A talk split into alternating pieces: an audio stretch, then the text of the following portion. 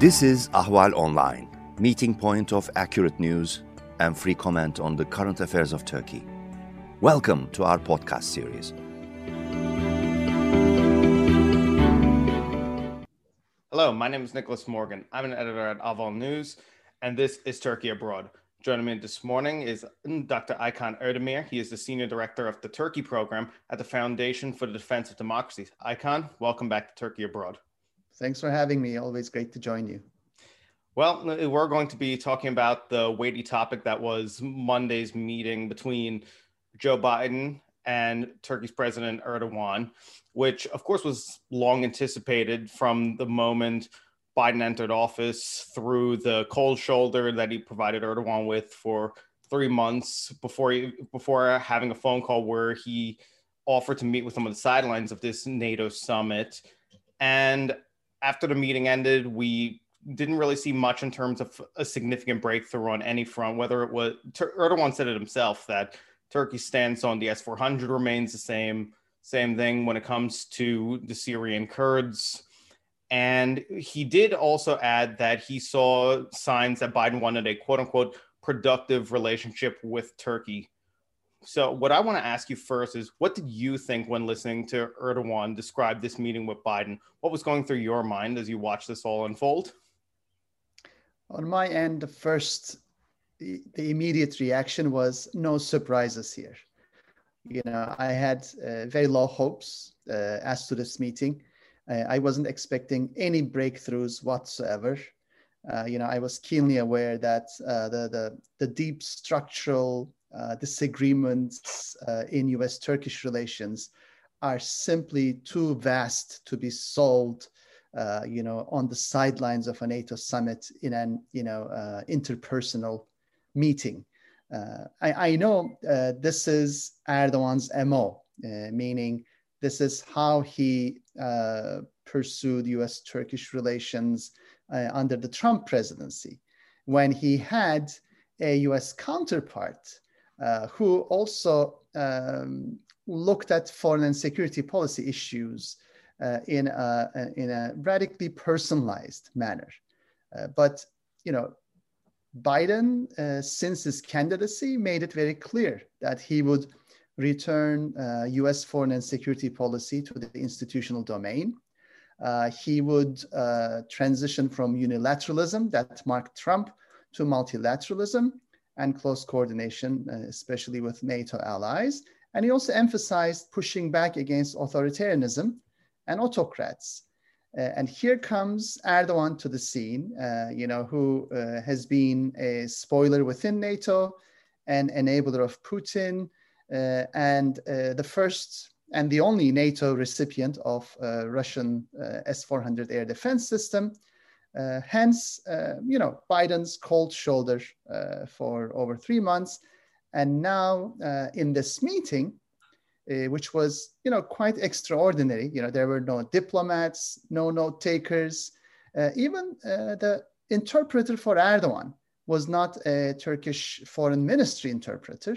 it was the daughter of a former, uh, you know, uh, AKP official, now ambassador. Uh, so this was a, a, a, very informal, let's say, arrangement, especially mm-hmm. on the Turkish side. And as expected, that did not lead to any diplomatic breakthroughs, uh, given uh, the constraints. You know, speaking of that choreography, so to speak, of the entire meeting, I wanted to I want to ask you something on that because Biden met with Erdogan for about 45 minutes or so with only their interpreters. Uh, there was no note takers, no diplomats, and, the comp- and a comparatively shorter meeting then took place between the wider delegations on both sides. And I couldn't help but think through all of this about this, the, the furor that kind of gripped much of the much many analysts and the media, like when Trump held these similar formats, of course, with Putin during his during his presidency.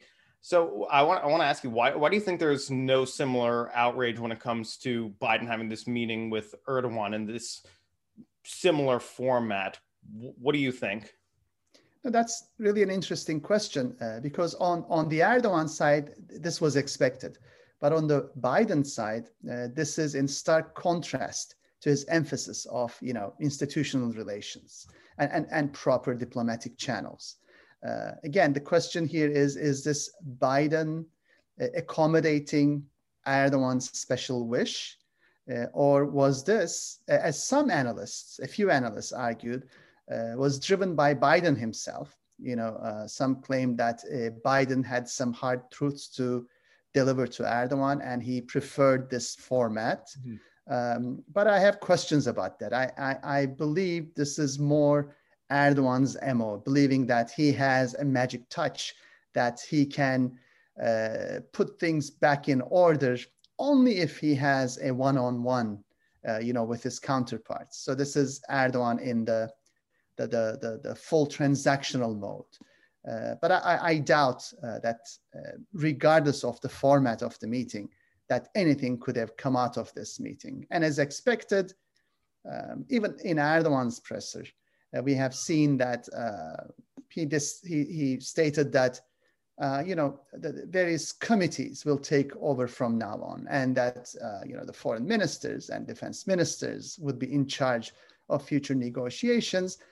And to me, the striking point was that, uh, yes, you know, this is no news, right? Uh, you know, this is a presser but there were absolutely no news delivered because there's no questions either on the American side. Yeah, and, and in between two NATO member states, precisely this is how things should, you know, move on.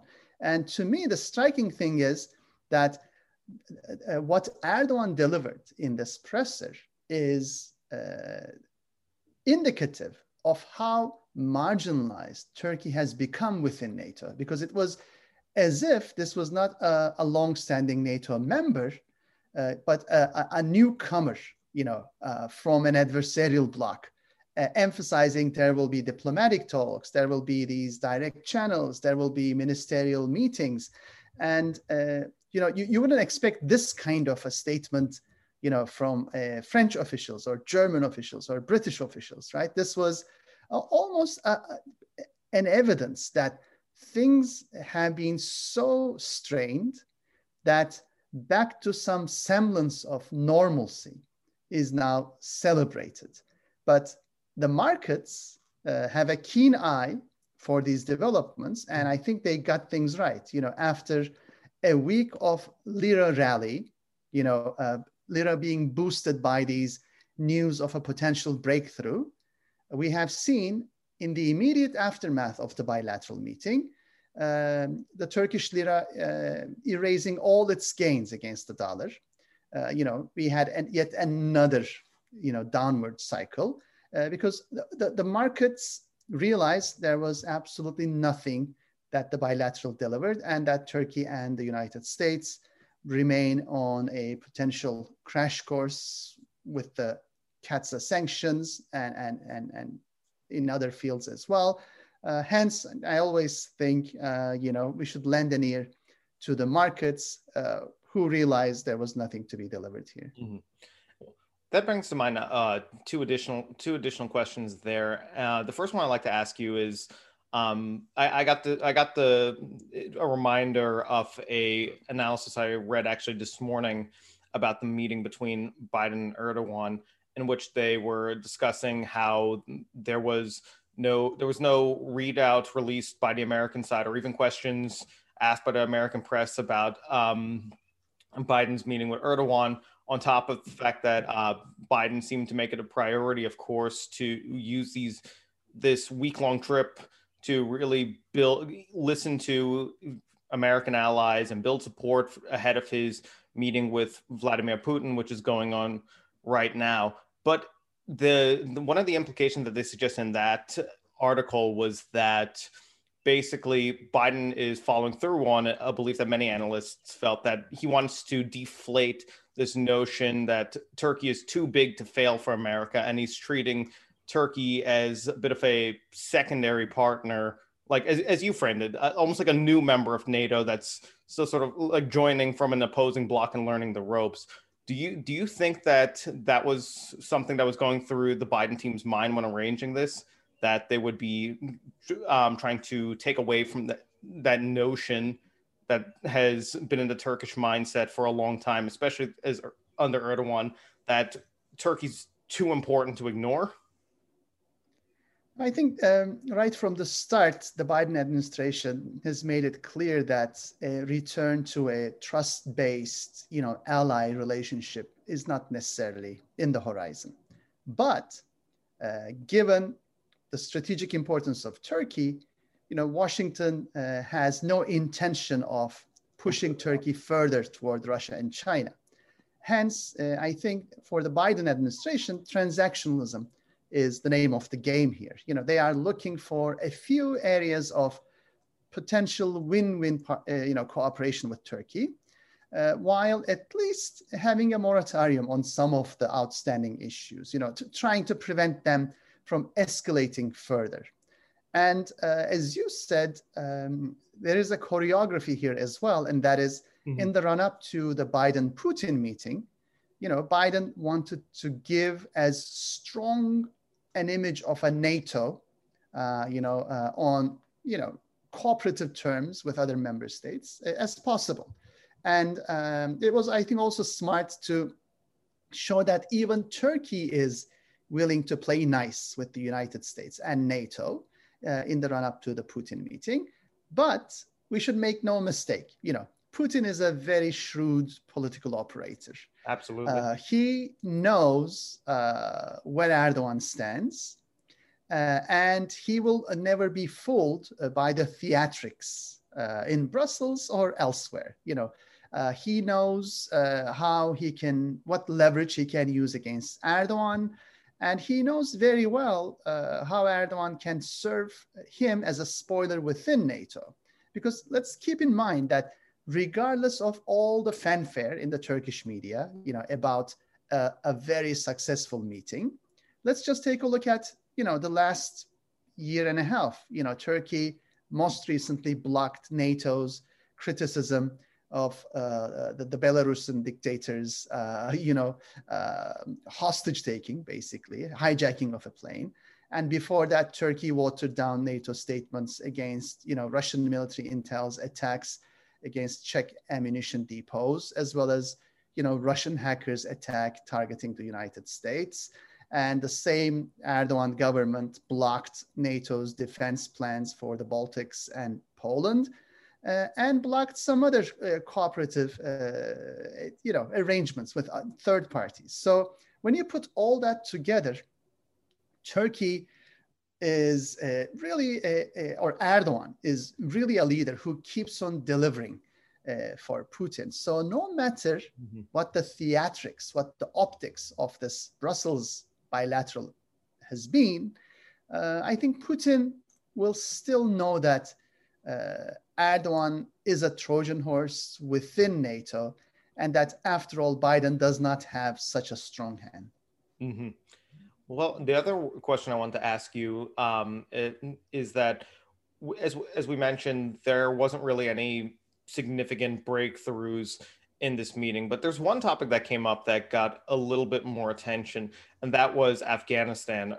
Of course, you, you know of Turkey's proposal to provide security for the Kabul International Airport after the U.S. withdrawal and Erdogan devoted um, some of his time in this press conference to talking about um, possible cooperation in Afghanistan. But what do you think about that proposal? Do you think it's a feasible one, or do you think it's more of a confidence building measure that he wants to throw out there to the U.S. to show, hey, I, Turkey, Turkey is reliable still, and we can help you here?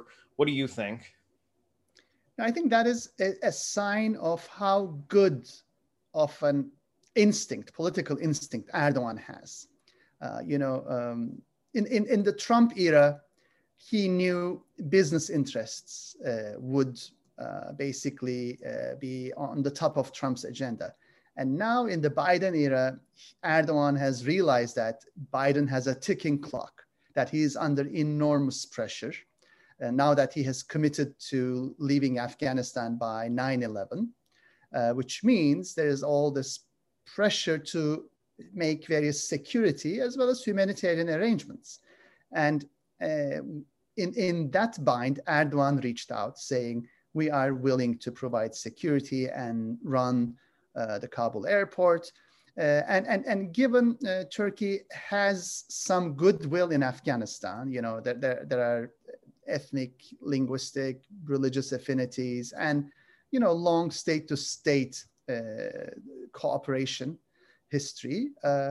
Uh, but then uh, comes the spoiler, right? Uh, last Thursday in Qatar, in Doha, a Taliban spokesperson said that they expect the Turkish troops to leave alongside other NATO troops, alongside the US troops and other NATO troops. So, meaning by the time the bilateral in Brussels took place, Erdogan no longer had a strong, you know, hand to deliver. That's why I think he upped the ante. You know, uh, in the press conference following the meeting, he said he pr- proposed a new formula. He said Turkey would like to provide security alongside Pakistan and Hungary. Now, um, that is a big question mark, right? You know, I, I think there's a lot of skepticism about that formula that Erdogan presented, whether it's viable, whether that would be welcomed by the Taliban, or whether that would be anything of interest to other NATO allies. Uh, but ultimately, I think this is one of Erdogan's again, selling points. He, he is looking for a transactional deal. He would like to deliver aid in an area where Biden feels, at least calendar wise, under pressure. Um, but my, again, my final take on this issue is uh, this is too late, too little, meaning, um, yes, Afghanistan could be an area of cooperation between Washington and Ankara, but this is not kind of the magic wand Erdogan has been looking for, meaning this, this will not uh, help him resolve the long list of really deep, serious structural problems uh, in US Turkish affairs. Mm, too, too little, too late sound, sounds about right there. Um, I would just like to rewind a second back to the NATO summit again and to, um, from Biden's side, of course, as we as I also mentioned, you know, he didn't really receive any questions at his press conference related to his meeting with Erdogan.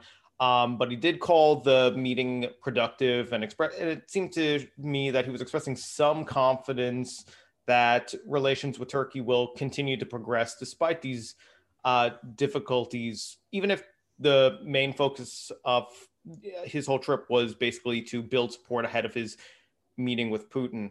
Um, what I there was a lot of hype, of course, going into this meeting. So maybe for some people it's a bit anticlimactic that we don't really have much to go on. than sort of sorting through the tea leaves of what Biden and Erdogan each said and how they conducted the meeting. But it does seem to reaffirm what most observers in the Turkey watcher community really felt ahead of this meeting that it was of course, more important for Erdogan from the beginning to have this meeting than it was for Biden to speak to him than the other way around. That that still would you would say that's fairly accurate? No, yes, uh, you know this was a, a, very asymmetric meeting from the very start. You know, Biden had you know very limited expectations.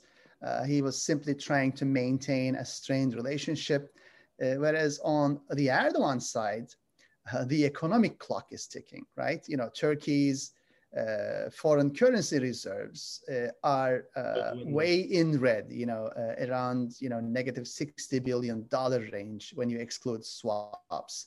And, um, and Erdogan signaling that he has other options, you know, by announcing in his final press conference from Istanbul, right before the Brussels meeting, that uh, Turkey has just secured uh, yet another swap deal with China uh, is really an empty gesture, meaning, uh, yes, now the Turkish Chinese swap deal has reached $6 billion and it's a yuan lira swap deal. Uh, it actually serves no real purpose for the Turkish economy. It simply helps Erdogan mask uh, that Turkey's foreign currency reserves are in the red. So, given uh, you know, Erdogan needs an urgent way out of Turkey's financial meltdown.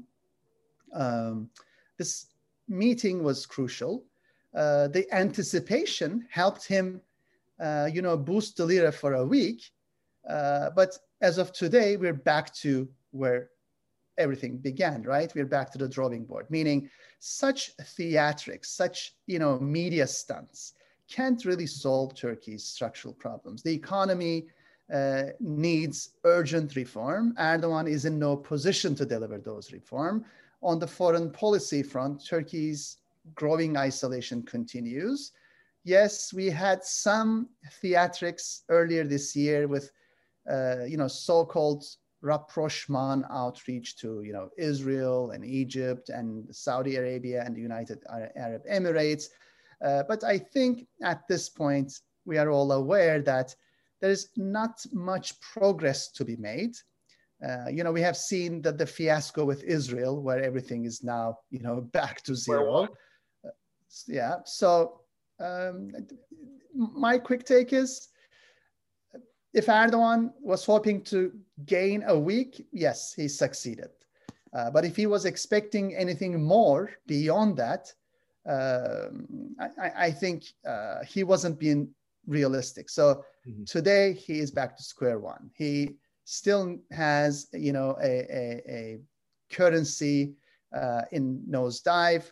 Uh, he has record level unemployment, especially youth unemployment, and he has uh, a not only an economic policy but a foreign policy uh, that happened to be on the verge of a breakdown. As part of that, I want to I want to also ask you about the situation for human rights and democracy inside of Turkey that we, we we've seen Biden bring up time and time again since coming to office. Uh, he's been he, his administration's been generally less shy about calling attention to any number of anti-democratic or human rights abuses that have taken place in the span of his entire administration, which is of course a completely a complete break from the four years of the Trump administration, where it did not really come up at all in these public statements. Um, but since we didn't really receive a readout about the discussion between Biden and Erdogan, and Biden didn't elaborate in his press conference about what the two of them discussed. Um, do you what, what they we don't know if they actually discussed human rights or not. We can spe- we can probably assume that it came up, but since you know we didn't have the we didn't have any of those materials, um, there was no joint press conference. Um, we just really don't know. So if you had to speculate, though, um, do you think Biden brought brought the, these concerns to Erdogan and just chose not to really address them publicly to sort of you know, give him some breathing room? Or what do you think, if you could speculate, what do you think his strategy was when it comes to the human rights topic here? You know, I, I think Biden had a strong hand here uh, that he didn't even need to raise the issue because he could always argue, you know, look at my administration's track record since, you know, late January. We have had numerous official statements from the White House, from the State Department, uh, from the state uh, spokesperson, National Security Council, you know, Deputy Secretary of State. Uh, president himself that, too. Yes, so president himself, you know, and, and, and on a wide range of issues, you know, from Osman Kavala to Selahattin Demirtas, you know, two of Erdogan's political prisoners, uh, to uh, women's rights, to LGBT rights. So basically, you know, the Biden administration has had a strong track record in calling out, flagging you know, the Erdogan regime's excesses and transgressions. Uh, but now uh, the real question at this point is uh, whether the Biden administration is willing to take the next step. And the next step is, you know, uh, concrete policy steps beyond rhetoric. Uh, yes, the Trump administration, maybe with the exclu- with the, you know, the, the exclusion of the Pastor Brunson case, um, refrained from calling out the Erdogan regime. Uh, but ultimately, uh, Trump uh, was the first US president to use global Magnitsky sanctions against Turkey. So now the key question is, for example, when it comes to Osman Kavala, uh, the Biden administration is willing to use the global Magnitsky sanctions. Uh, it really a key tool uh, against Turkey's, against Erdogan's human rights abuses. And more importantly, will the Biden administration uh, you know, remain true to its promise and reach out to allies, you know, Canada and the European Union, uh, which also now have similar global Magnitsky tools in their hands. So uh, if Biden is truly committed to transatlanticism, you know, this could be a, a, unique opportunity to issue concerted global Magnitsky sanctions uh, against uh, the Erdogan government uh, for his treatment uh, of Osman Kavala. Uh, furthermore, you know, the U.S. Commission on International Religious Freedom has been for years recommending the State Department to designate Turkey now as a special watch list country. And to be frank, being a NATO member, Turkey has often received, uh, you know, a, a, lenient treatment from the State Department. So this year, you know, and I, I would argue that it's it's a unique year because this comes in the aftermath of Erdogan's conversion of Hagia Sophia, uh, really uh, inciting uh, discriminatory language against Turkey's Christians, and more recently, horrible anti-Semitic statements condemned not only by the State Department, but also House and Senate, uh, you know, um, task forces against anti-Semitism. So I think this is really the year when the State Department needs to take that step by uh, following USCIRF's recommendation to designate Turkey as a special watch list country. Definitely Erdogan's uh, track record last year deserves such a designation. And in fact, many experts say it deserves more. It deserves the top tier designation, which is a country of particular concern designation. But the first step is, of course, the second tier designation. That is the special watch list designation. So my big question to the Biden administration is, will they be willing to take the next step? That is back rhetoric with concrete action. And regardless of all its shortcomings, the Trump administration was the first administration to uh, put some of these punitive measures, you know, concrete punitive measures uh, into force. Mm-hmm. Well, the, the last thing uh, I'd like to ask you is that now that Erdogan was given his chance to speak to Biden and you know some of his other rivals at the NATO summit, like Mitsotakis from Greece or Emmanuel Macron, of course, from France, he's he's basically returning home without any concrete like what like what Biden's team always the term Biden's team always uses deliverables. Basically, we had we had statements, sure, but there's nothing, there's no breakthroughs, nothing concrete that he can say that he was able to win over at the NATO summit. Um, so, where do you think this leaves Turkey to go from here in its relations with the U.S. or or NATO, frankly, writ large? I think at the end of the day, the Biden administration will be satisfied if things do not escalate further. And I, will be very concrete here. You know, there has been three Turkish cross-border operations into Syria, and the last one particularly targeting, you know, um, uh, U.S. Uh, uh, partners, uh, the Syrian Democratic Forces. Uh, and if there isn't a fourth cross-border operation, the Biden administration, I think, will be satisfied. Mm-hmm. Uh, if Turkey does not receive additional Russian military hardware, yes, CAATSA sanctions will remain in place, but at least the Biden administration will say, okay, at least it's not a further escalation of the problem. Um, you know, if Turkey, again, does not escalate things in the East Med, uh, if things remain in deadlock, that's still a win. You know, at least there isn't an East Med crisis the Biden administration has to deal with. So I know these are really uh, very low expectations. They're, they're, they're, not proper expectations from an ally. They are almost like uh, minimal expectations one would have from adversaries. Uh, but, but I think that in, in a way reflects the mood in Washington. Let's keep in mind, this is not just an executive branch issue um, you know, Erdogan might see it as such. Erdogan might see Biden as the all-powerful, you know, uh, head of the executive. Uh, but separation of powers and checks and balances are very much in place, as we have also seen during the Trump administration. And there is a, a uniquely bipartisan and near unanimous consensus in Washington, uh, across the aisle, uh, in both chambers and beyond, uh, about Turkey. Uh, you know, I, I, I just uh, spoke at the caucus, human rights, sorry, Senate Human Rights Caucus yesterday, and you know that that's again the the mood. You know, Turkey has or Erdogan has very few friends in Washington.